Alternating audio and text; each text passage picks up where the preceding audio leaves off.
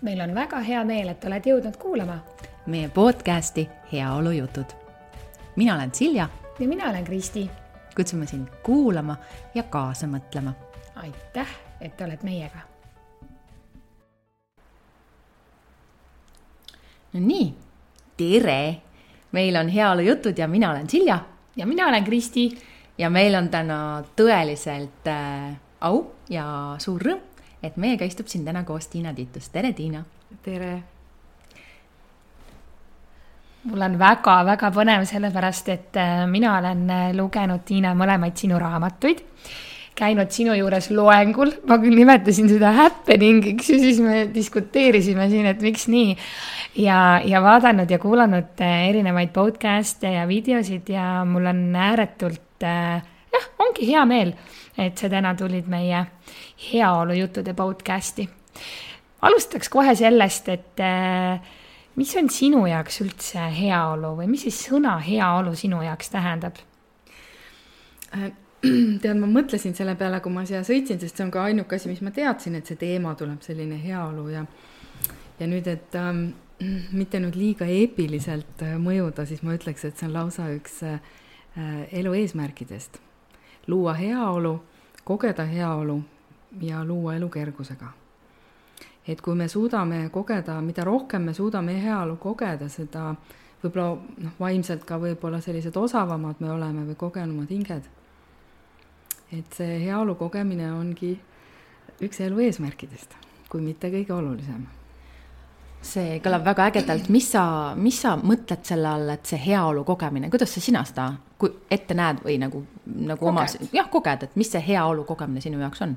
elu on kerge, lihtne, mõnus, soe, pehme, kõht on täis ja asjad edenevad paremini, kui ma ootasin mm. -hmm no see, see on täiesti, täiesti unistus ju tegelikult, et see kõigil niimoodi töötaks. see võiks olla normaalsus, see, see võiks olla normaalsus, et lilleke õitseb aasal, siis tal ongi niimoodi ja linnupoeg sünnib, siis kui tal on nagu halvad tingimused, meil on selline suhtumine, et noh, toit on laual ja ja katus on pea kohal, et see siis on nagu kõik korras, aga see elu eesmärk või see heaolu tegelikult alles sealt algab ja nüüd ekslikult peetaksegi seda ka armastuseks näiteks laste suunas, et lastele antakse toitu ja riideid ja katus on pea kohal, et noh, järelikult vanemad armastavad või nii. aga see, et kui ta, kui kunagi ei öelda ühtegi head sõna või ei tehta pai või ei võeta sülle, et ähm, noh, siis ikkagi heaolu puudub. et äh, noh, näiteks noh, meie kehal või lapse kehal me ei ole süüdi selles, et meie keha vajab teatud temperatuuri ellujäämiseks või ta vajab valke, rasvu, süsivesikuid, vett et mina ei vaja seda, aga mu keha vajab seda ja lastel samamoodi. ja laps ei ole süüdi selles, et ta eh, sureb ära, kui ta kehatemperatuur läheb liiga madalaks või kui ta ei saa näiteks teatud hulgal valku või süüa mm.. et sellised asjad aetakse segi. et eh, heaolu kehaga on kõik korras, mõnus ja, ja, ja loomulikult siis see vabaduse teema, aga siin lähevad juba asjad keerulisemaks, seepärast et me ei tea, mis see vabadus on, sest meid juhib siis alateadvus ja me arvame, et me oleme paljudest asjadest vabad, aga tegelikult ei ole. Ja praegune aeg on veel eriti huvitav vaadata seda, mis inimesed käivad ringi ja lausa karjuvad vabadusest. Ja minu meelest need hirmujutud tulevad täiesti üllatavatest kohtadest. Need inimesed, kes näiliselt just nimelt räägivad vabadusest, tegelikult hirmutavad teisi. Ja vastupidi mm. -hmm, nii põnev, mul läks, mul läksid kohe sõrmed, sõrmed sügelema ja mõtted jooksma praegu. ja mul tekkis nii palju küsimusi, erinevaid teemasid. ja mul ma... läks nii lappama ja ma kuidagi üritan kokku võtta. nii väga, väga hea, mulle meeldib, kui asjad lähevad lappama, sest et mhm. see annab tegelikult, ma loodan ka meie kuulajatele hästi palju mõtteainet, on ju, et need lappavad asjad on toredad hmm.. aga siit kohe vaata selle mõttega edasi, et äh, et see on hästi palju oli, oli sinu jutus peegeldus ka sellist, ütleme, füüsilise heaoluga seotud, eks, et kui sul ongi toit on laual ja, ja, ja saab kallistust ka ja et see temperatuur on õige.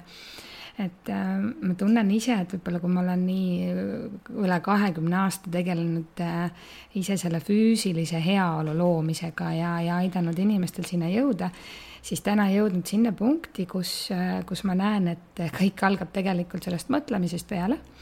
kui sa oled oma, oma mõtetega sina peale need mõtted saanud korda, siis see kuidagi nagu aitab seda füüsilist heaolu ka endale rohkem lubada, tekitada, võib-olla isegi ka külge tõmmata, et äh, milline oleks sinu selline no kas soovitus või õpetus või et kuidas inimesed saaks alustada oma selliste mõttemustrite muutmisest?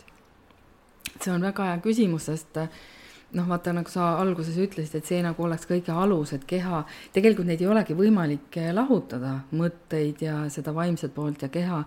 ja see mõttemustrite muutmine, äh, see on see kõige raskem asi üldse, sest see on meie alateadvuses ja need äh, tekivad meil need mõttemustrid väga varajases lapsepõlves, alates sünnist, mõnikord isegi juba ennem sündi mõned, mõned mustrid ja mõned, et, et meil tekivad sellised nagu ellujäämise strateegiad ja iseenesestmõistetavused lapsepõlves.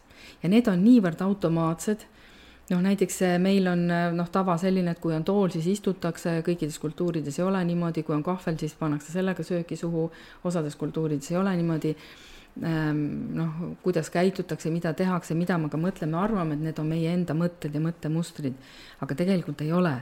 ja, ja neid ei ole võimalik ka muuta siis järelikult, kui nad ei ole meie enda omad. et üldse ära tunda see, et mis on minu volis muuta ja mis on minu enda mõttemuster. ja sellepärast ma ütleks, et kõige suurem ja võimsam töö meil siingi ongi olla tähelepanelik. kõik asjad, mis me oleme läbi näinud, ära taibanud see taipamise asi. et siis ei ole võimalik e-, enam nagu tagasi taibata või mitte taibata või ennast nagu undo'da või mm -hmm. ära teha tagasi, et noh, ei ole, ei saa enam ennast rumalamaks teha, kui me oleme mõne asja ära taibanud või läbi näinud mm. -hmm. ja vot minu meelest käib see kasvamine läbi taipamiste. ma olen täiesti nõus, et, et siin ütleme, kõrvalt vaadeldes iseennast, oma käitumist erinevates situatsioonides, hakates märkama neid erinevaid situatsioone, et mis seal nagu ühist on, et miks sa tõmbad kogu aeg samasuguseid ja sarnaseid inimesi oma ellu, miks sa satud samasugustesse situatsioonidesse ja, ja siis vaadates ka kõrvalt oma, oma lähedasi, oma tuttavaid ja siis kõrvalt seda kuidagi on nagu palju lihtsam, eks ole, näha. muidugi kuula. teiste asjad on ju nii lihtsad, on ju, enda asjad on keerulised. no just, et, et kallikene, et, et eelmine aasta sa olid ju täpselt samas situatsioonis, et noh, ainu-, ütleme, et, et inimesed võib-olla olid erinevad ja, ja, ja seal seal situatsioonis olid äh, mingid erinevad nüansid, aga kes seal situatsioonis kindlasti oli seesama olid sina ise ja kuidas sa siis selles hetkes ja, ja olukorras käitusid. ja mis tunde see sinus tekitas. et mis sa arvad sellest, kui äh, ma olen nagu jõudnud ise sinna, et kõige esimene samm tegelikult olekski äh, inimestel nagu hakata märkama neid mustreid või neid nagu situatsioone, et, et äh, siis tihtipeale vaata inimesed nagu mõtlevad, aga miks ma jälle olen samas situatsioonis, et miks need asjad aeg juhtuvad minuga. ja tavaliselt, eks ole, siis on need, me eile Siljaga siin arutasime, et, et äh, sõna muster, et mina kuidagi taipasin eile et minu jaoks sõna muster tähendab, et see on nagu siis mingisugune negatiivne juhtumine, aga noh, muster ei pea olema negatiivne, see võib olla ka positiivne muster, eks ole, mis juhtub. Lihtsalt kuidagi mõtestasin enda jaoks, et, et noh, sellised positiivsed asjad tekitavad ju head tunnet, et ma ei taha sellest vabaks saada. aga kui tekib nagu selline negatiivne muster, et on negatiivne emotsioon või negatiivne olukord, mis mulle tegelikult ju head tunnet ei tekita, et siis sellest mustrist võiks nagu vabaneda. aga ma näen kõrvalt tihtipeale seda, et äh, inimesed, nad ei näe neid mustreid, nad ei, nad ei oska nagu otsida seoseid erinevatel nendel sündmustel.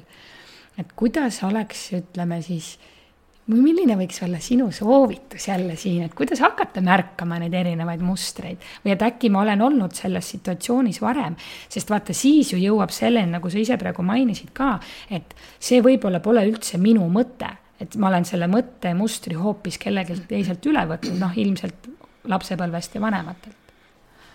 ja see märkamise asi, seda on ju võimatu teha, kui ma ei märka, siis ma ei märka, kuidas sa ei saa öelda, et hakka märkama. see on ju mul selja taga, no kuidas ma märkan? ja ma ei tea, noh, mul on endal olnud nii palju asju elus, ma tean, et ma nendest inimestest mööda jalutanud, ma ei näinud teda lihtsalt, ma ei olnud valmis selleks, kuidas noh, ma ei saa öelda teisele mine ja märka, et sama hästi võiks öelda, et hakka targaks või ära ole loll või midagi sellist, noh, et ähm, see on jälle see nagu võtmekoht või see hästi keeruline. ja see, mis ma praegu ka kuulasin, su juttu oli hästi huvitav, see, et hästi palju on vaata ikka see positiivne, negatiivne, hea ja halb. ükski muster ei ole hea või halb või negatiivne või positiivne. et ta lihtsalt on. ja see märkamine ei tähenda hinnangu andmist. see märkamine tähendab, et ta on, näe, lind on katusel, me siis ei ütle, et ta on ilus või kole või halb või hea. ja, ja siis ma kumab veel läbi nagu sellist asja ka, et äh, sa ütled küll, et äh, hea mustri võiks jätta alles, aga mida me siis otsime ja me tahame ju kogu aeg hullult muuta, järelikult praegu on halvasti või et äh, ja ma olen jõudnud sinna ja vaata sellised väljendid, minu viga on selles ja et kuhu me siis tahame jõuda. et mina alustaks sellest, et prooviks sõnastada, noh, me, me ei pea tegelikult sõnadesse panema, aga proovime registreerida, ütleme siis niimoodi, me proovime defineerida selle olukorra, kus ma praegu olen ja, ja neutraalne registreerimine või defineerimine on tegelikult armastav, umbes niimoodi, et et mul on see musta, mul on see olukord juba tuttav, ma olin siin aasta aega tagasi. noh, alustuseks see, nii. -hmm. ma armastan praegu seda olukorda, et ma olen siin juba teist korda, võib-olla juba sajandat korda, aga ma ei ole seda märganud. või mis asi see on, mida ma praegu tahan sõnastada? Ma tahaksin praegu kümme kilo kaalust maha võtta, sest mul on hirm, et ma ei meeldi muidu teistele mm. -hmm sest ma mäletan näiteks sellist olukorda, kus ma olin viiskümmend seitse kilo ja ma arvasin, et ma olen nii paks, et ma ei, ma ei julge oma ema silma alla kunagi sattuda, sest ma olen nii paks. Aga kuidas siis sellest edasi, et nüüd ma märkasin ja loodetavasti siis suhteliselt armastavalt, on ju, sest et noh, eks see kõige hullem asi neutraalne ongi, vaata alati just, armastav. just. Mm, -hmm. et, et, et, et just täpselt seda, et nähagi siis seda, seda olukorda, ma olen siin jälle, okei okay,, ma olen siin jälle, mis nüüd edasi? See äh, edasi tegelikult asjad juhtuvad ise, et äh, asjad hakkavad juhtuma siis, kui meie hakkame otsustama mm. -hmm. ja, ja seda otsustamisest ma olen hästi palju rääkinud ja, ja otsustamine on ka meie jaoks ära rikutud, et otsustamine on selline olnud alati selline elu ja surma hinnaga. noh, naljaga pooleks ma olen öelnud, et äh, naised ei pea kunagi otsustama, alati öeldakse, oled mees või ei ole, otsusta ära aga no ütleme nüüd, et otsustamine on see lüliti, mis paneb asjad käima, mis paneb selle ventilaatori tööle ja otsustamine on alati, meile on õpetatud, et see on lõplik, sellest peab alati kinni hoidma. altari ette minnakse kolmeteistkümneaastaselt läbi ajaloo mindud, antud lubadusi kuni surmani. ja sellepärast keegi ei julge otsustada, keegi ei julge anda kunagi lubadusi, sest neid ei tohi ju muuta ehk siis tegelikult me võime ju, ma võin öelda nii, et, et praegu ma märkan seda olukorda, ma olen siin juba ennem olnud ähm,. Hmm, ma nüüd otsustan, et ma käitun teistmoodi, aga võib-olla ma homme käitun teistmoodi jälle. et see on ju tegelikult okei okay,, et ma teen selle otsuse lihtsalt praegu ja kui ma tahan, järgmisel hetkel saan teistmoodi teha. aga see kõlab jälle niimoodi, et see, mis ma praegu teen, on halvasti ah,. Okay. et ma pean tegema mm -hmm. teistmoodi, aga ütleme niimoodi, et see otsustamine või mitte miski pole kaugemal tõest, et see, et otsused on sellised lõplikud, otsused on tegelikult nagu elus organismid või nad on äh, tegelikult alati poolikud, isegi kui siit elust ära minnakse, siis no ütleme, keegi otsustab teha näiteks mingi enesetapu või midagi, siis järgmises elus läheb see kogu asi edasi. Nii et ähm, et miski selles mõttes ei ole kaugemal tõest, et äh, otsused äh, Mm, on sellised nagu noh, ühesõnaga me peame kogu aeg vaatama, milline on praegu meie kehtiv otsus selle asja kohta, et me nagu jagame ära nagu ne, need asjad, millest mul pole õrna aimugi, millest ma tean natukene üht-teist hommikul valgud, õhtul valgud, ei tea, segane lugu, eks ole, uurime, et on need asjad, mida ma natukene tean ja siis on need asjad, mis on minu jaoks täiesti kindlad, nagu näiteks see, et mul on, mul on nii armas mees või mul on nii armsad lapsed mulle meeldivad mu ilusad ripsmed, no ma ei tea, noh, on mingid asjad, mis, et me nagu, nagu klaarime need asjad ära, et mis on mulle kindlad, natuke segased ja millest mul pole õrna aimugi. et need on nagu sellised üsna niisugused võimsad deklaratsioonid nagu universumile ja sealt ei ole vaja praegu üldse midagi eriti rohkem edasi teha. et noh, niimoodi mõtlebki tubli laps või tubli inimene, et nüüd äh, Äh, kus on väljakutse, mis on mu järgmine samm, ma pean kogu aeg kuhugi jõudma, suhetes peab kogu aeg kuhugi jõudma, suhted peavad minema tõsiseks. täna loen sellist uudiste pealkirja või uudise pealkirja, et üks kuulus inimene ütleb, et, et ähm, et me oleme siin väga palju uksi prõmminud, et palju lihtsam oleks ära jalutada, aga palju keerulisem on jääda kohale ja seda suhtega edasi minna, siis minul jälle tekib küsimus, miks peab jääma kohale ja tegema keerulisemat ja raskemat asja kus on siin see nagu see äge või võimas asi. või ta lihtsalt valetab, et tegelikult ta tahtis jääda kohale, aga ei osanud suhelda. me kaklesime, meil oli paha olla, et noh, tegelikult lihtsalt nagu valetatakse või räägitakse mustvalgeks aga vaata, otsustamine on selline asi, kus on keeruline endale valetada, noh, otsustasid või ei otsustanud. otsustamine on umbes nagu midagi sellist, et kui ma näiteks ütleks oma kehale lihtsalt, et kuule, keha, käi mööda tuba ringi. mitte midagi ei juhtu. Mina, jaa, mitte midagi ei juhtu, mina olen see, kes tõuseb kehaga üles ja hakkab kehaga mööda tuba ringi käima, vot see on otsustamise jõud ja vägi ja no mulle lihtsalt need mõtted nagu nii, nii kõnetavad, et ma täna igalt poolt tunnen kuidagi iseennast ära, eks, et, et mul siin hiljaaegu veel lihtsamalt äh, öeldes, et otsustasingi, otsustasin, et äh, ma tahan nüüd ülikooli minna jälle, kandideerisin, sain sisse, otsustasin, et lähen no, tööle Aga... kandideerisin, sain tööle, tuli veel erinevaid variante, et, et äh, ja, ja noh, tegelikult ongi nii lihtne, et sa võtad selle otsuse vastu, aga mulle nii meeldis, kuidas sa ütlesid, et miks inimesed ei julge otsustada. sellepärast, et nad tegelikult kardavadki seda, et see on nüüd lõplik, et kui ma nüüd ära otsustan selle, et ma teen nüüd nii, siis ma enam seda muuta ei saa, aga saab küll ju sa võid ju tegelikult ju, kui sulle see ei meeldi, sa astud sellest välja, teed siis midagi muud. Aga kui sa mitte midagi ära ei otsusta, mida väga suur osa inimestest valib, et mm -hmm. nad mhm. ei otsusta igaks juhuks ära ja siis me nagu kulgemegi kuskil, kus me ise ka ei tea, kus me oleme, et kogu aeg tahaks kuhugi, kuskil nagu mujal olla, päris rahul ei ole aga alati on hea küsida, aga mis sa selle jaoks oled otsustanud, et sa tahad kuskile, kuhu sa jõuda tahad, et sa mõtledki, eks ole, kuhu ma tahan jõuda no siin, kas ma tohin seda, et mul tuli kohe selline näide, et, et ütleme, et ähm, naisterahval on siis, on suhe, ütleme, et ta elab kellegagi koos, tal on partner ja ta ei ole seal rahul ja siis ta tekitab endale kõrvale veel ühe suhte. ja siis ta ei julge nagu kumbastki lahti lasta.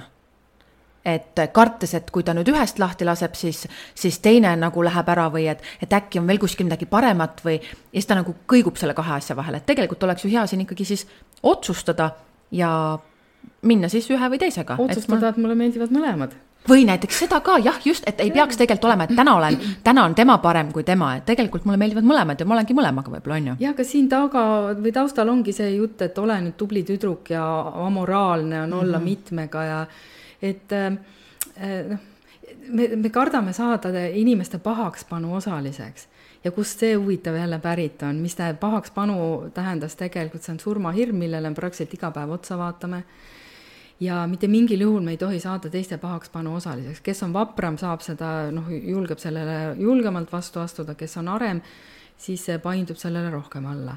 ja kelle me siis valime omale selleks, noh, täiskasvanuna valime siis omale uued autoriteedid, kellele siis alluda või noh, kes siis allutab, see on sama, sama muster jälle. aga mõni on, ma ei tea, viie mehega, mis siis saab, on ju, ja talle meeldib aga noh, need mitmiksuhted on tavaliselt sellised ähm,, nad põlevad väga heleda leegiga, et nad enamasti ikkagi on lühiajalised, noh kuigi ma olen näinud ka selliseid eluaegseid paralleelsuhteid, aga see on ikkagi haruldane. ja noh, väga kurnav on see igal juhul. ma lihtsalt jah, rohkem mõtlesin seda, et, et, et tegelikult ju asjad hakkavad siis töötama, kui sa ise otsustad, mida sa tahad aga kust sa tead, mida sa tahad, vaata, mina ei tea täpselt. ma tahan ennast, ma ei tea, šokolaadi näost sisse ajada. no aga kilo. siis ma otsustan, et ma söön šokolaadi. jaa, aga siis mul on paha olla pärast. no siis ma saan aru, et näe, see muster töötab nii, et kui ma söön kaks kilo šokolaadi, siis mul on paha. ja, ja siis järgmine päev uuesti, et see niimoodi sõltuvus to toimibki et. aga ah, see on nüüd hea küsimus mm, -hmm. kuidas see sõltuvus toimib, et kui ma tegelikult sain aru, et kui ma kaks kilo šokolaadi sõin ja mul oli pärast paha, miks ma uuesti homme teen? sellepärast, et mu söögihetkel oli hea aga mul oli pärast nii kohutavalt paha. no mis siis ju, alkohoolikud ja narkomaanid, neil on ju sama lugu ja armastuse, see sõltuvussuhted on täpselt samamoodi. sellel kõrghetkel see kaalub selle kõik üle ja kuna elu peabki olema kannatus, nagu on õpitud, siis mida rohkem sa kannatad, seda ütleme, see on see polaarsuste asi, seda suuremat õnnehetke sa koged, mida halvem sul on ja siis sa tahad jälle veel kõrgemat su õnnehetke ja sa oled nõus kogema seda väga madalat hetke selle nimel, et uuesti siis mäkke tõusta Ameerika mägedes noh, selle Ameerika raudteel. seda suuremat õnnehetke sa koged, mida valusam sul on või mida, kas sa nüüd ütlesid valusam või, aga see jäi mulle hästi kõlama. ta peab tulema tasakaalustama. vaata, universum on alati tasakaalus, et kui sa tahad midagi väga head, siis sa automaatselt tõmbad kaasa ka halva. et me, sellepärast me peaksime asju vaatama neutraalselt, sellepärast et nad lihtsalt on. ja seepärast me tõstame selle hea ja halva skaala täiesti välja ja me hakkame vaatama asju, mis on huvitavad kas on huvitav elada niimoodi, et ma söön oksendamisele šokolaadi ja no vot, siis vist enam nii huvitav ei ole ja ja vaatan, hakkan abi, abi küsima, et äkki saab kuidagi teistmoodi ka.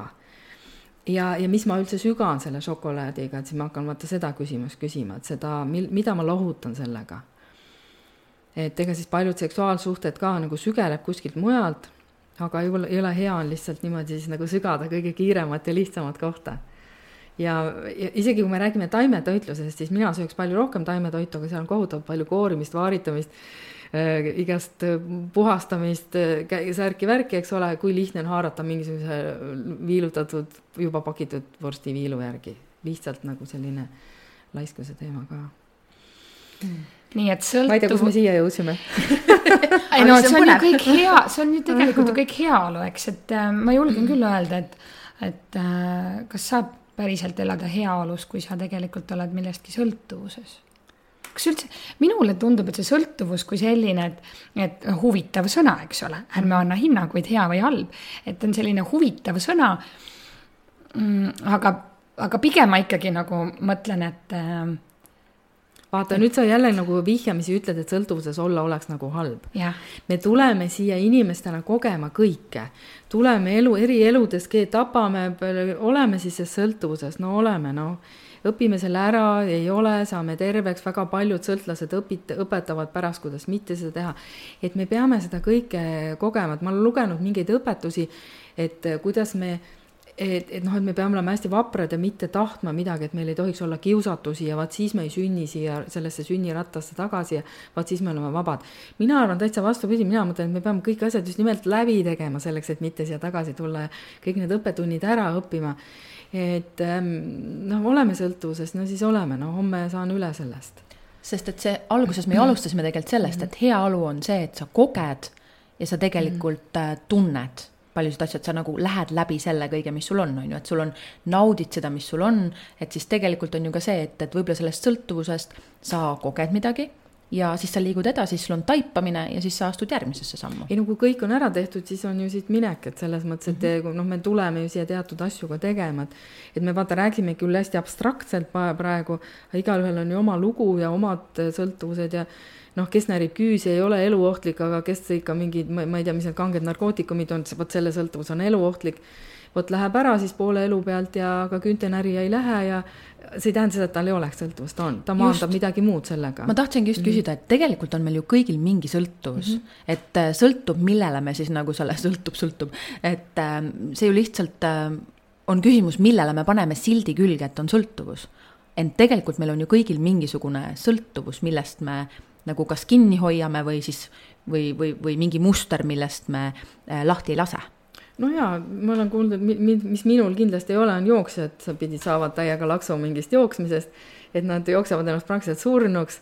noh, ma ei tea, mis ainet nad seal saavad, mina, mulle see täitsa võõras teema näiteks, eks ole.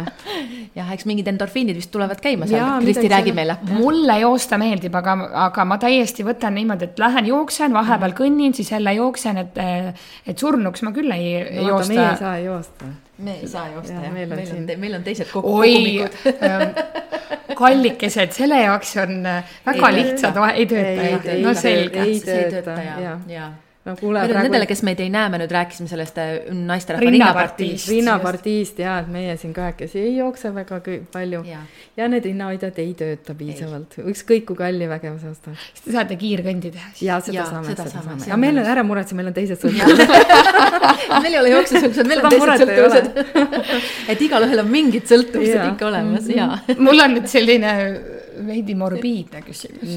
miks inimesed kardavad surma, miks on surmahirm? võib-olla see tundub nagu paljudele selline tobe küsimus, et mis mõttes, aga aga jah. ma arvan, see on väga hea küsimus. just, see on tõesti geniaalne küsimus ja ma ei tea, mis, mis loengusse mul, sul, mul sattusid, aga ei, üldse mul... ei käinud, see polnud üldse sellega seotud, aga et... ma olen nagu ise mõelnud, et ma just eriti viimasel ajal kuidagi selle koroona ja kõige sellega, sellega seoses, sest et see on ju see, mida inimesed muudkui räägitakse, eks ole, mis siis juhtub. no suren ära, no aga me ju nagunii sureme ära ju üks hetk.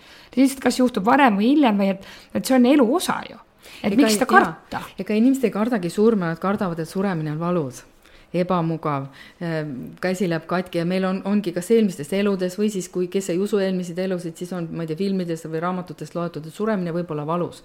vanasti piinati, kuule, keskajal piinati, issand jumal, kui valus see oli ja et suremine on raske, odakõhtu, nälga surdi, eks ole, autoavarii, noh, koroonasse, aidsi, vähki, millesse, et see kõik on hästi ebameeldiv ja valus. eelkõige kardetakse seda väga paljudel, no kellel on lapsed, lapsed on ankrud. et kuni kahekümne esimese eluaastani, siis me ikka proovime ennast siin elus hoida, et, et lastel ei tekiks sellest traumat. et vaata, kui lapsi ei olnud, ma noor olin, mul oli küll jumala suva, kas ma olen, noh, ma ei ütleks jumala suva, aga kas ma elan, ei olnud see nii suur draama praegu ma mõtlen, et noh, lapsed võiks olla täiskasvanud, et siis ei ole suurt muret. et me ei karda tegelikult surma ennast. ja selle surmahirmu me saame ka omale sünniga kaasa ja selle annavad meie vanemad ja eelkõige ema just seoses sellega, kuidas ta meid hoiab, kas ta hoiab niimoodi hellalt ja toredalt, kas ta annab süüa siis, kui me tahame, kas ta tuleb alati, kas ta puudutused on hellad, et ja noh, kui ei ole, siis äh, sellega seoses on see surmahirm on äh, palju selline tihedam või rammusam ja raskem. vaata, praeguse aja lapsed, neil on surmahirm palju kergem, nemad ei karda surma. selleks nad ka võib-olla lähevad siit kergekäelisemalt ära, sest nad ei karda surma. Nad ei karda isegi vanu inimesi enam kõige hirmsamad asjad üldse. vanad inimesed. vanad inimesed ja mm., ja surmahirm oma olemuselt nüüd ei olegi hirm surma enda ees, sest kõik on juba kuulnud nendest tunnelitest ja mingitest hingekodudest ja no võib-olla siis tõesti on seal ka midagi, võib-olla äkki ei kardagi aga surmahirm oma olemuselt on see, et, et see tunne, et keegi teine haldab ja valdab minu elu ja ma ei tea, kust mu elu tuleb ja sellega seoses ma ei tea ka, millal tulevad häda ja viletsus ja millal siis elu lõpeb. et see kunagi, keegi teine kontrollib seda. see on nagu see kontrolli kaotus ühesõnaga mingil määral no,. et mina enam ise ei kontrolli, keegi teine. ja aga siis me ei kontrolli nagu tervet elu mm, -hmm. mitte midagi nagu elus ei kontrolli ja surmahirm on siis nagu selle tipus ja see noh, nagu ma rääkisin, see teeb ema, kõik see toitumine ja hoidmine, aga sellega, seda tehakse väga selliste salakavalate trikkidega, nagu näiteks kästakse söök ära süüa lapsel, pissuda kelluaja, kellaaja peale või nad peavad magama täpselt selle kella. ja kui laps ei, ei, ei tee, ei halda ise oma keha funktsioone ja ei kuula oma keha häält, siis tal lähebki ikka see tunne või tuleb selline tunne, et ta ei, ei, ei halda tervet oma elu hiljem ja noh, suhteid loomulikult sinna otsa niikuinii, noh, suhteid väike laps niikuinii ei halda. noh, emme tule siia, siis emme ei tule, karjub hoopis midagi vastu või tuleb, lööb, noh, loomulikult ta siis eh, täiskasvanuna, see laps ei, noh, ei usalda oma, oma suhteid ka.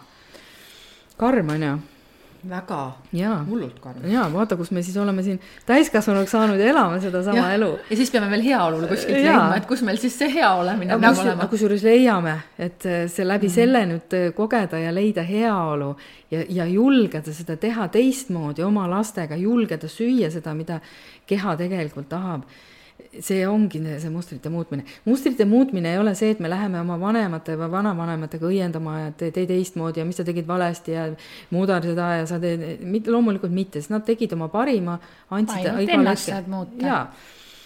Noh, on ju niisugune tore klišee oli jälle ära, et me näeme seda mustrit, mis oli, me nägime, et maailmas oli valu ja viletsus ja oli häda ja teeme ise teistmoodi et me ei hakka nagu seda mustrit ja noh, kuidas seda muu, noh, me oleme siin rääkinud abstraktselt sellest mustrist, et eh, kuidas noh, ei hakka siin mingit keevitama või kuduma või seda mustrit ümber, aga lihtsalt julgen teha teistmoodi, mis ongi kõige vapram tegu.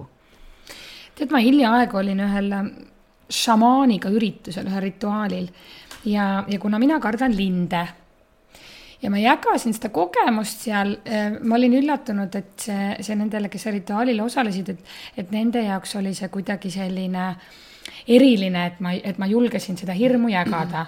aga minu jaoks ei olnud see, see ei olnud minu jaoks üldse mingi julgustükk, et ma julgesin öelda, et ma kardan linde, eks ju, et noh, et siin ei ole nagu midagi erilist. see oli minu jaoks üllatav.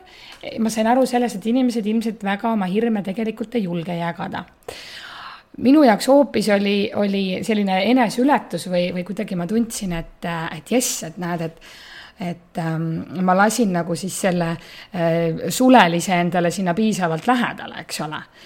aga sellest edasi minnes, siis me pärast veidi seda arutasime, ütlesin, jaa, ma tean, ma pean sellega tegelema. ja siis see šamaan ütles, et tead, noh, pead tegelema, siis sa oled ju sealsamas ringis, et sa muudkui tegeled sellega mm, -hmm. astu välja astu lihtsalt välja mhm. sellest. ja siis ma ütlesin, nagu nii hea mõte, nagu good point, eks. ma küll täpselt ei tea praegu, et kuidas seda nagu teha, et noh, astun välja. veidi on läinud kergemaks, aga mis sinu mõtted selles, selles mõttes on, vaata tihtipeale me nagu räägime, jaa, me peame tegelema selle probleemiga. aga jälle, astu välja lihtsalt see on tegelikult täitsa hea soovitus ja et võib äh, küll välja astuda ja selle ja võid ka koos sellega elada ja ka ennast täiesti hästi tunda see lihtsalt meenutab mulle ühte väga vana harjutust, mida ma aastaid tagasi inimestega tegin, ma millegipärast ei tee seda juba palju aastaid, aga just nimelt sellele kõige suuremale hirmule otsa vaatamine. ja harjutus siis meil lõppes niimoodi, et sealt jooksis siis pimedusest üks äh, loom, äh, mis esindas seda hirmu, jooksis siis niimoodi tema suunas otse talle niimoodi näkku. Ja noh, enamasti on siis lõvi ja härg ja noh, mida see oot-, ootuspärane hunt ja selline, aga väga paljudel tulid kanad, lind, puuk mul tuleks kindlasti uss. Äh, ja maod tulid mm. ja liblikas et liblikas on ju päris õudne, kujutad ette, kui niimoodi. ja need on ka tegelikult ikkagi kõik lapsepõlvetraumad, sest kujuta ette, kui pisike laps on ja kana sulle nokaga näiteks jal, jala pihta või varbasse paneb. ei no mul on täiesti trauma, et ma seda, ma, ma no, isegi võt... mäletan seda situatsiooni, kus ma seal mm -hmm. olen, eks ole, et olid tuvid olid ümber ja läksid mulle vastu ja no, ja noh, et see on mul täiesti nagu sees, eks no vot, sul oleks tulnud sealt huvi siis jooksnud. ja siis see harjutus meil lõppes niimoodi, et tegelikult äh, täiesti rahulikult oldi näod vastamisi ja mõlemad tohtisid olla, mitte midagi ei juhtunud. et sa ei pea hakkama neid vaata armastama või et seal ongi see arusaam, et nüüd, kui sa linnuhirmust üle saad, et sa pead hakka igat lindu hakkama kallistama, kui sa teda tänaval näed või ei. kõik, kõik too lihtsalt eksisteerivad täpselt nii, nagu nad tahavad et äh, see, see traumadest ülesaamiseks on ka erinevaid tehnikaid, et mina tegelikult sellega ei tegele, vaata seda, sellest teeb hästi vaata see koputamistehnika, ma ei tea, mis jaa, ma olen sellest kuulnud jah ja. ja.. et see jah, ma tegelikult seda isegi õppinud, aga ma ei ole seda kunagi praktiseerinud. ja see, vot sellised väga konkreetsed äh, traumad võtab noh, isegi lausa sõjatraumad võtab ära, nii et see linnuhirmu nagu naksti nii et otsi keegi, kes sellega praktiseerib. ja me kellegi kutsume, kes EFT-d. jaa, just, kes neid teeb. see ja ma oleks kohe vaata hea esimene, mitte esimene, aga katsejänes, eks. sest see on ju täpselt see, vaata Silja, me oleme sinuga niivõrd palju ju aastaid tegelenud sihuke, ma ütleks nagu kehateraapiaga, eks, noh. see, et sa liigud, et sa tantsid, et sa, et sa oma kehaga liigutad, see on samamoodi energiate vabastamine mm. -hmm. et see koputamine lihtsalt läheb sinna sügavamatesse energiatesse kiiremini, konkreetsemasse pointi, sest et noh, et kui me lihtsalt keha liigutame, siis, siis me ei tegele väga konkreetselt selle mingi võib-olla ütleme hirmu või asjaga, et me lihtsalt vabastame erinevaid energiaid, aga me ju ei tegelikult ei koputa täpselt selle, selle mõtte peale, vaid et me teeme paljude asjadega. see on nagu mingi kiire ümberkodeering mm, -hmm. vaata seal on selline teooria, et, et kui sul näiteks on üks hirm, mis on tulnud lapsepõlvest, nagu sa rääkisid, siis iga kord, kui sa nüüd lindu näed, siis sa tegelikult paned nagu pärli keesse nagu ühe sellise pärli juurde kogu aeg nagu hirmu ja nüüd, kui sa lähed psühholoogi juurde, siis hakatakse tagurpidi tagasi iga seda pärlit nagu lahti arutama ja sellest nagu lahti saama. aga see tehnika võtab nagu selle ülemise pärli kohe lihtsalt naksti ära, kogu kett kukub kokku ja selle, seda lihtsalt ei ole enam mm. -hmm. et äh, vahel on võimalik selliseid asju teha mm. -hmm aga need asjad võivad juhtu ka, juhtuda ka läbi enda taipamiste, nii et äh, vahet ei ole, kõik teed viivad Rooma. et kõik peavadki katsetama natukene kõiki asju. et noh, mind selle noh, vaimlemise või vaimsuse juures häirib, on nagu see, et nagu noh, kuulatakse nagu ühte asja ja siis hakatakse nagu seda nagu noh, et ainult see on võimalik, kõik, kõik praktikad, kõik on õiged kõiki praktikaid on võimalik väärkasutada, mida me ka tänapäeval päris palju näeme, ja kõik äh, praktikad on tervendavad. see on nii hea, et sa tõid mm -hmm. selle välja ka sealt mm -hmm. nagu vaimse poole pealt, sellepärast et et jälle, kui me vaatame, ütleme treening, toitumine, siis täpselt samamoodi ei ole seda ühte kõige õigemat viisi süüa või ühte kõige õigemat harjutust või ühte kõige õigemat trenni, vaid inimene peabki katsetama ja proovima, mis talle sobib. Et see, mis sobib ühele, eks ole, ei sobi teisele ja, ja, ja, ja kui keegi ütleb, et ainult üks õige viis on, siis ma arvan, et on hea mõte seda viisi mitte kasutada. või siis kasutada seda ka loominguliselt, jaa. Et või näiteks, kui me noh, kui ma teen seda selgeltnägemise asja või niimoodi, siis proovitakse nagu teha sellist asja, et nii kui sa vaatad, et sa ei tohiks no üldse inimesega rääkida, sa ei tohi ta keha vaadata. aga miks ma ei tohi, ma ei saa aru, arsti, arsti juurde läheb inimene, minu jaoks inimese kehakeel, kõik on täpselt sama kõnekus, kõnekas kui see, mis ma ta ümber näen või mm., või nagu selle vaimusilmaga, et ma nagu kasutan kõiki informatsioonikanaleid, mis vähegi võimalik on no see on ju tegelikult minu mm. jaoks, äh, kui öeldakse, et, et kasuta ainult ühte, siis on natuke mm. nagu see, et, et kui on üks tark inimene kõrval, näiteks noh, ütleme, et ma, ma siis kuulan ainult Einsteini, aga ma teisi mingeid teoreetikuid või teisi toredaid ja tarku inimesi ei kuula.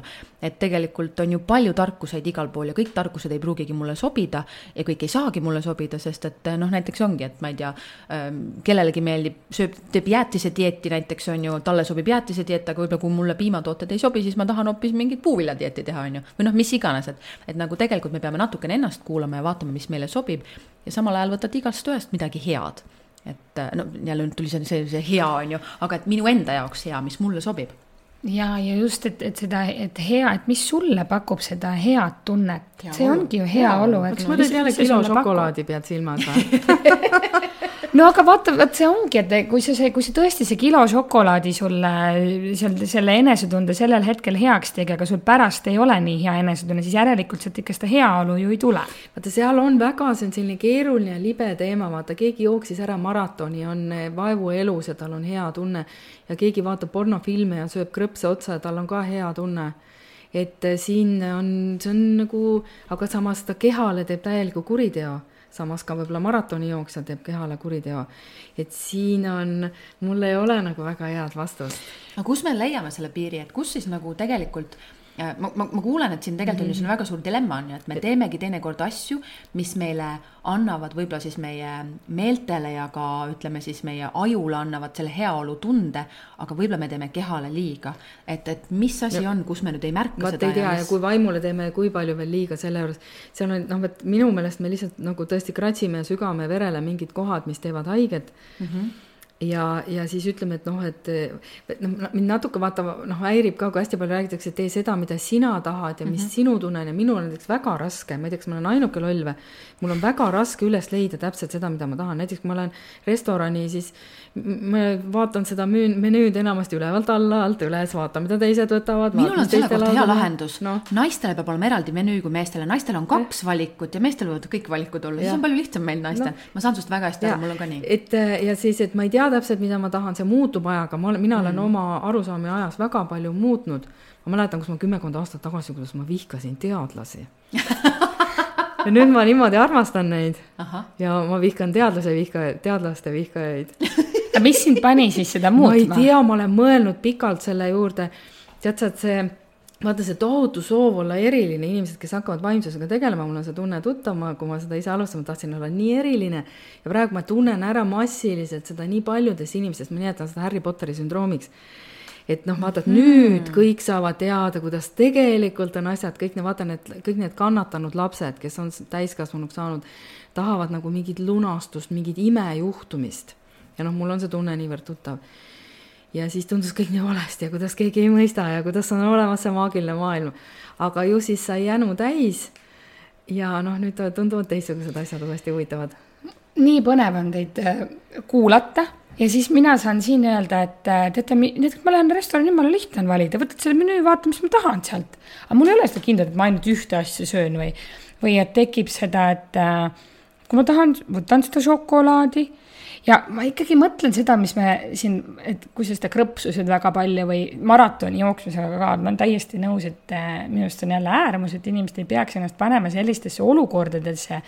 kui ta tahab need... ennast tõestada, et ta on tubli poiss ta mm -hmm. tahab isale tõestada, et ta on midagi väärt. aga kas see sulle nagu päriselt ka su kehale midagi head jaa, aga ta ei, ta, ta noh, proovitakse et äh, ma loen maailma kõige õudsemat raamatut, mis on, mis räägib saksa kasvatusmeetoditest viimase paarisaja aasta jooksul ja ausalt öeldes ma loen seda juba viimase poole aasta jooksul, ma ei suuda seda edasi lugeda.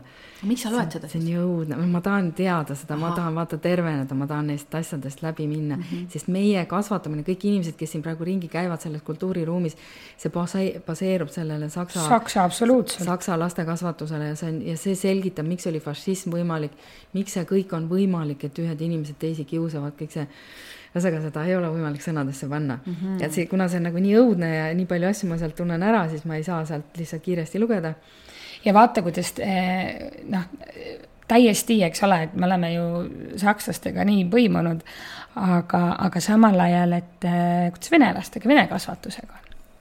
aga mul on seal vähem kogemusi, et ma ei oska seda öelda, ma arvan, et meie see kultuuriruum, noh, nüüd on tulnud siin noh, peale teist maailmasõda ja noh, tsaari ajal ka. aga see kasvatuse, kui ma mõtlen oma vanavana, vanavanemate peale, siis see, see tohutu austus sinna saksa kultuuri suunas oli meeletu, et sealt võeti peaaegu kõik üle, mis võtta oli. vorsti tegemisteni välja no meie keelgi on ju palju, palju nende. rahvariieteni välja, kõik on võetud sealt üle, et see, et sealt on palju üle võetud mm aga see ei ole, see ei käi mööda rahvaid, et äh, see noh, laste õigused tekkisid ju alles kuuekümnendatel, inimõigused tekkisid peale teist maailmasõda. et see on minu meelest murranguline hetk terve inimkonna ajaloos, noh, mis inimõigused, tere hommikust, naiste õigusused no, meeste jah, õigused olid alati naistest. olemas mm. -hmm. ja, ja kui tekkis naistel valimisõigus, see tekkis küll juba äh, Euroopas seal äh, üheksateistkümnenda, kahekümnenda sajandi alguses ja siis tohtisid valida ainult need naised, kes olid ametlikult abielus ja kandsid oma mehe nime. Äh, vägev vabadus küll naistel. ma isegi tean vist seda, et, et äh, üks mu tuttav, kes elas äh, Jaapanis mm, -hmm. kui ta tahtis, ta oli abielus eestlanna ja kui ta tahtis Jaapanis ülikooli minna, siis paluti, et kas ta isa või ta abikaasa mm -hmm. annaks nõusoleku selleks, et ta võib ülikooli ja. minna. tänapäeval või? tänapäeval, no ma arvan, paarkümmend aastat tagasi. jaa, et me oleme nagu nii lühikest aega vabad ja naised ja lapsed on saanud ka inimesteks, et siin lihtsalt anname aega kõigeks ja no kui ütleme noh, ma absoluut-, noh, ma jälestan nõukaaega, see oli kohutav aeg ja see on täiesti nagu pimeduse impeeriumi kohutav aeg, aga kui sealt otsida mingeid positiivseid asju, siis see, et mehed ja naised olid võrdselt, said või võrdselt kõik peksa või noh, selles mõttes kõik olid võrdselt viletsas olukorras. et mitte roppe ja rumalaid sõnu siia veel öelda, et see oli niivõrd õudne aeg, aga et mina nagu oma lapsepõlvest ei mäleta ei mingit daamitamist ega mingisugused, kõik olid võrdselt pidid tööd tegema, kõik see, et nagu mingisugune selline noh, noh, ta lükkas nagu veel nagu mingisuguse külmakivi veel vette peale teist maailmasõda mida sina, Silja, mäletad nõukaajast mingi selline, lihtsalt mingi fakt või, või mingi seik, mis sul on? no siis ma olin tegelikult ikkagi väga väike, sest et äh, jumal hoidku, kui sa noor sa oled siis. aga ei, aga ei, aga mul, mul tuleb meelde see, et ma mäletan, et ükskõik kus kohas see oli, kui mingi aparaat ei töötanud, siis pidi alati nagu niimoodi rusikaga Rusika, lööma, sest et siis hakkaski tööle et ma mäletan nagu seda kõige rohkem. see on isegi mingis filmis, kas meil siin Bondi filmis äkki ei olnud või? just nagu ja et noh, et see on Venemaal tehtud, et siis tuleb lüüa niimoodi. tavaliselt ikka rusikaga pähe niimoodi. aga mina mäletan seda, kui poodi läksid, siis alati riiulid olid täis, aga lihtsalt võib-olla seal oli kolm erinevat sorti midagi. et kas mingit kamajahu äkki oli uh, -huh. et ühesõnaga riiulid olid täis, see on nagu magusaisu oli. täis oli nagu mitte midagi. ja ei noh, kui oli ühte toodet, vaata ja siis mingit beebipulbrit sai söödud sellepärast, et, äh, et see oli natuke magus, mingi tite, mingi, mingi, mingi piimapulber või see, et see oli sihuke magus, vaata. sest ega jäätist ju komme ei olnud, et see oli ikka tore päev, kui ikka jäätist toodi poodi. et mina mäletan selliseid seiku. võib-olla ei saanud ka aga teate, miks see oli hea?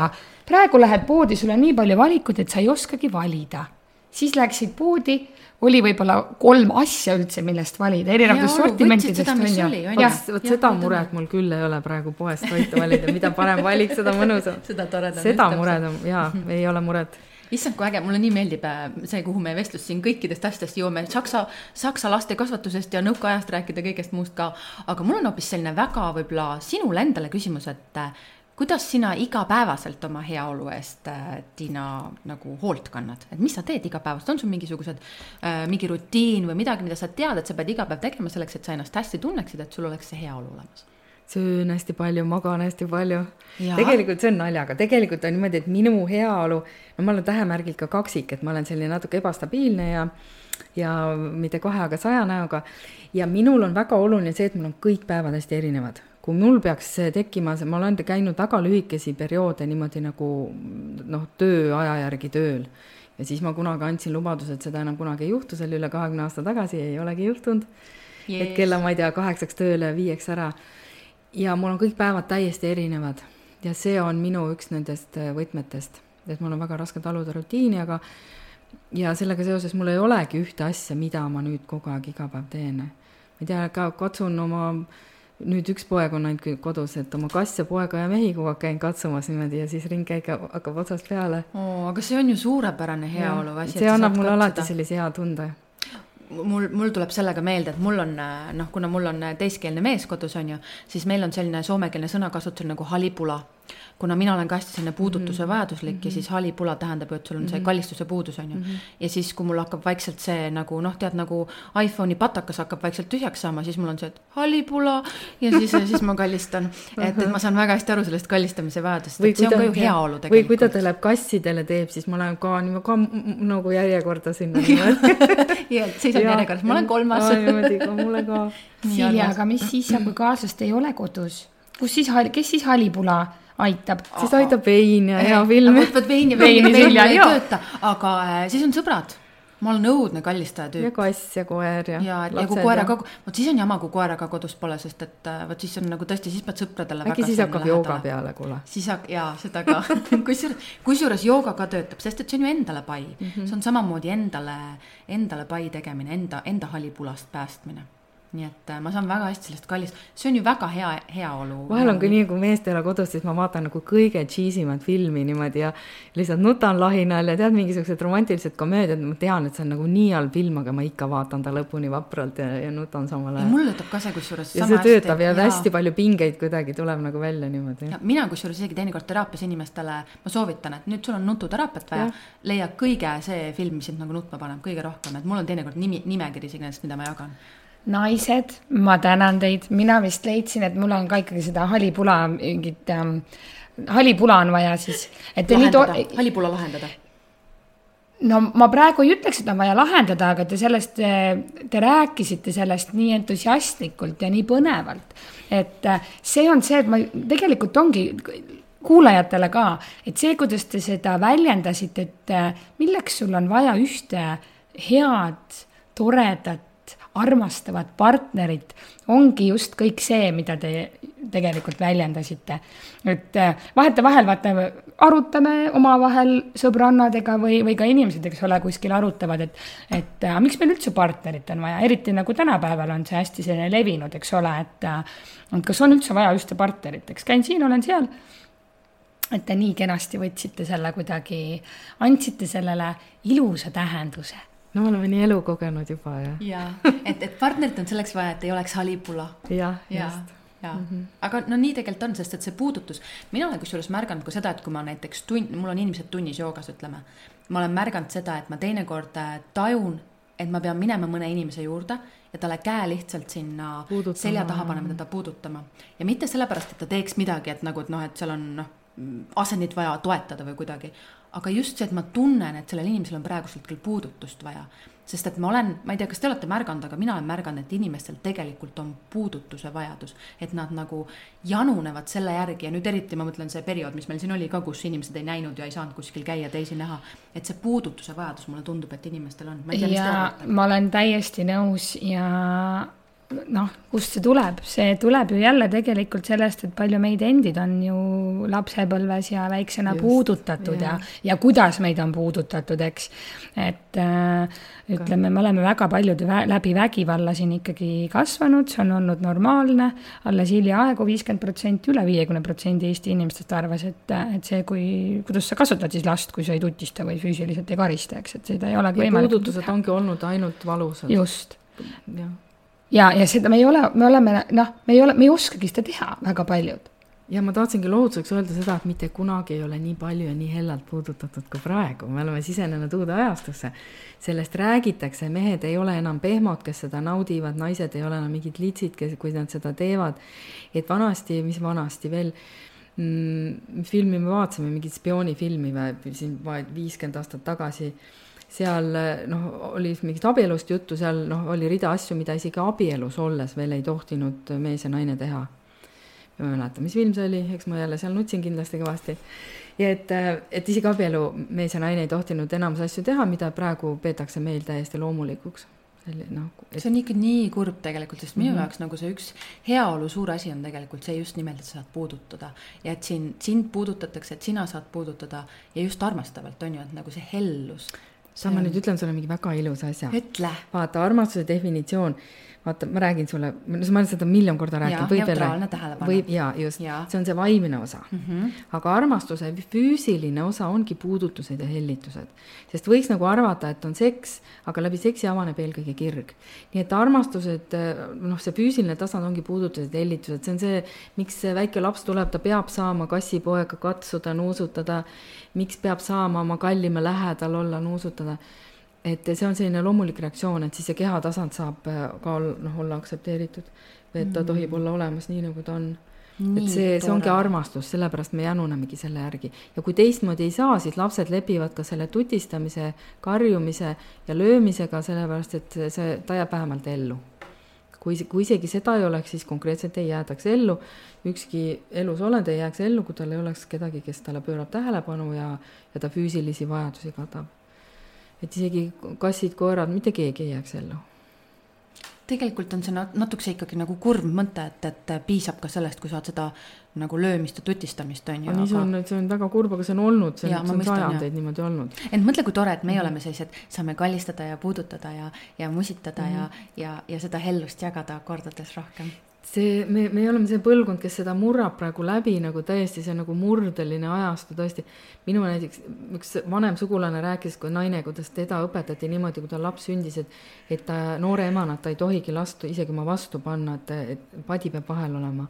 et lapsel ja emal ei tekiks kunagi kontakti et sellised asjad olid soositud ja niimoodi õpetatigi. ja, ja vanasti kas mitte, noh, mul on kaks last, minul on olnud teistmoodi, sest see on siin juhtunud viimase kümne aasta jooksul, aga aga kas mitte vanasti isegi ju lapsed võeti ära, mähiti kinni, viidi ära, toodi ainult söö, söömise ajaks aga sa räägid nüüd sünnitusmajast või? noh, see on tegelikult seesama, et noh. see on veel minu nooruspõlve ajal oli niimoodi, et kuna mina lõpe- või noh, sünnitasin niimoodi, et nagu Äh, nagu hiljem, noh, kümme aastat hiljem kui teised või isegi rohkem, seal kümme-viisteist aastat hiljem kui minu vanused tava, siis, siis ma sain juba selle uue käsitluse osaliseks, aga noh, minu põlvkond, need, kes õigel ajal sünnitasid jutumärkides, need said veel ka kõik selle kaigaslapsed omale. isad ei olnud juures ja see on kõik nii lähedal, see on kõik nii lähedal mm. alles aga mõtle, kui hea, et meie saame seda heaolu teistmoodi inimestele tuua, seda paid ja kallid ja, ja ja just, et äh, inimesed hakkaksidki märkama neid ja mõtleksid nendele, et me saame läbi sellesama podcast'i sellist mõtet edasi anda jaa, nii tore. Äh, kuulge, me oleme siin jutustanud nii kohutavalt pikalt, aga ma tõmbaks vaikselt, ma olen see paha, see paha, kes tõmbab otsad vaikselt kokku, aga ma küsiks su käest kolm küsimust. nii. lõpetuseks ja esimene nendest on, et mis on su viimase aja äge toidukogemus olnud? Kas ise tehtud või oled kuskil käinud söömas, et milline mingi hea toidukogemus? tead, kui imelik mõte tuli pähe, mõtlesin no., vaata võiks öelda, et esimene asi, mis pähe tuleb äh,, autotud kapsas ja kanafilee mm.. kuule, see kõlab päris hästi ju kas sa tegid ise või? jaa, vaata, ma olin ju siin dieedil ja siis kuidagi Just. ma niimoodi armastan seda, vahest ma täitsa mõtlen, et ma teen seda kogu aeg uuesti, mulle väga meeldib see, ma olen täiesti kapsainimene.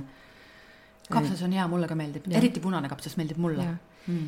ja no mul kõik variandid lähevad kapsast, lillkapsad ka kõik ja mm -hmm. pott, kanafilee ja kapsas kuule, mul tuli ka selle.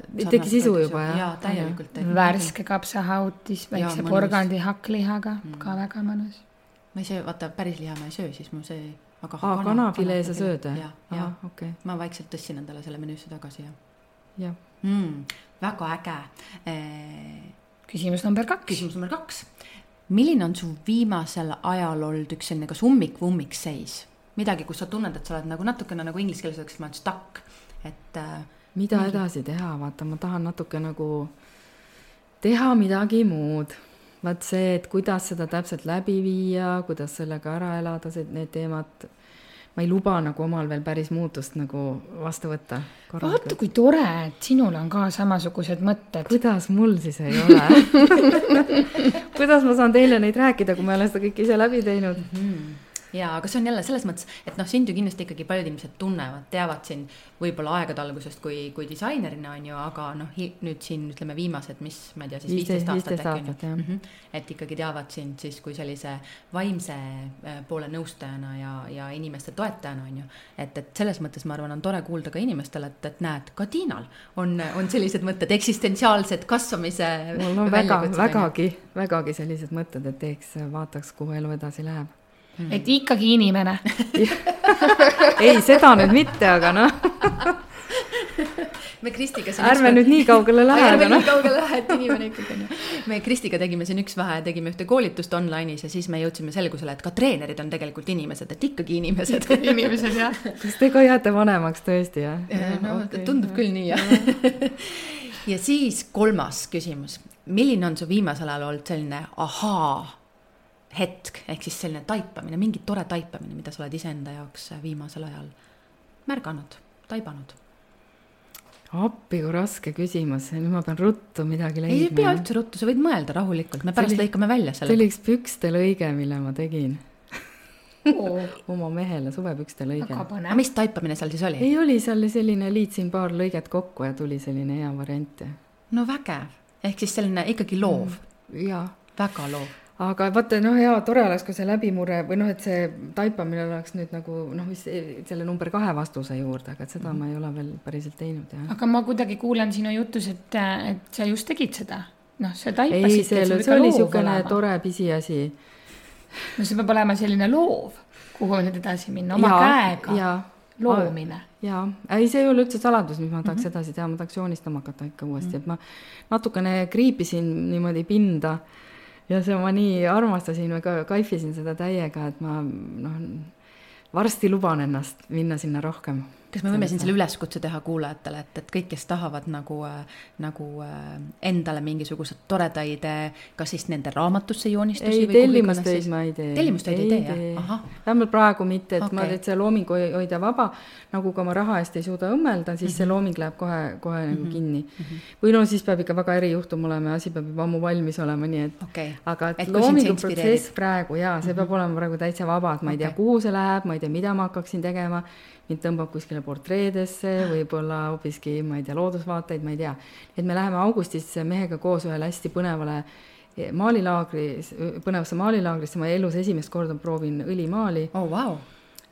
meremaale, kusjuures veel neljaks päevaks ja noh, mu mees ei ole üldse midagi teinud kunstialal, nii et ma loodan, et saab tulema selline lõbus nädal. nii tore, kõlab vahvalt. jaa, see kõlab väga põnevalt. ehk siis ma saan aru, et tegelikult sinu jaoks see heaolu on hästi suurel määral ikkagi ka loovus tead, kui, kui sa praegu nii ütled, siis äkki vaat loovus ongi otsetee eh, sinna sellesse suurde õigesse kohta, et see, kui, kui ma olen vaata selles loovas seisundis, siis kaob aeg ja ruum ja ma võin teha tunde ja ja nii, ma vaatan uuesti seda, näiteks seda pilti, mida ma joonistasin ja mul tuleb uuesti see tunne meelde, ma uuesti lendan.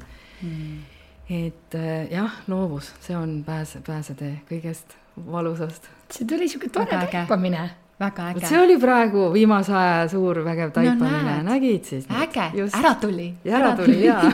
Tiina suur,, suur-suur tänu, suur aitäh, et sa tulid meile, see on, minu jaoks oli see nii äge aeg, et aitäh, et sa võtsid aega ja äh, aitäh sulle, Kristi ja. aitäh teile mõlemale. Mm.. aitäh kuulajale. ja aitäh kutsumast, alati tulen. Mm,. nii tore, tšau-tšau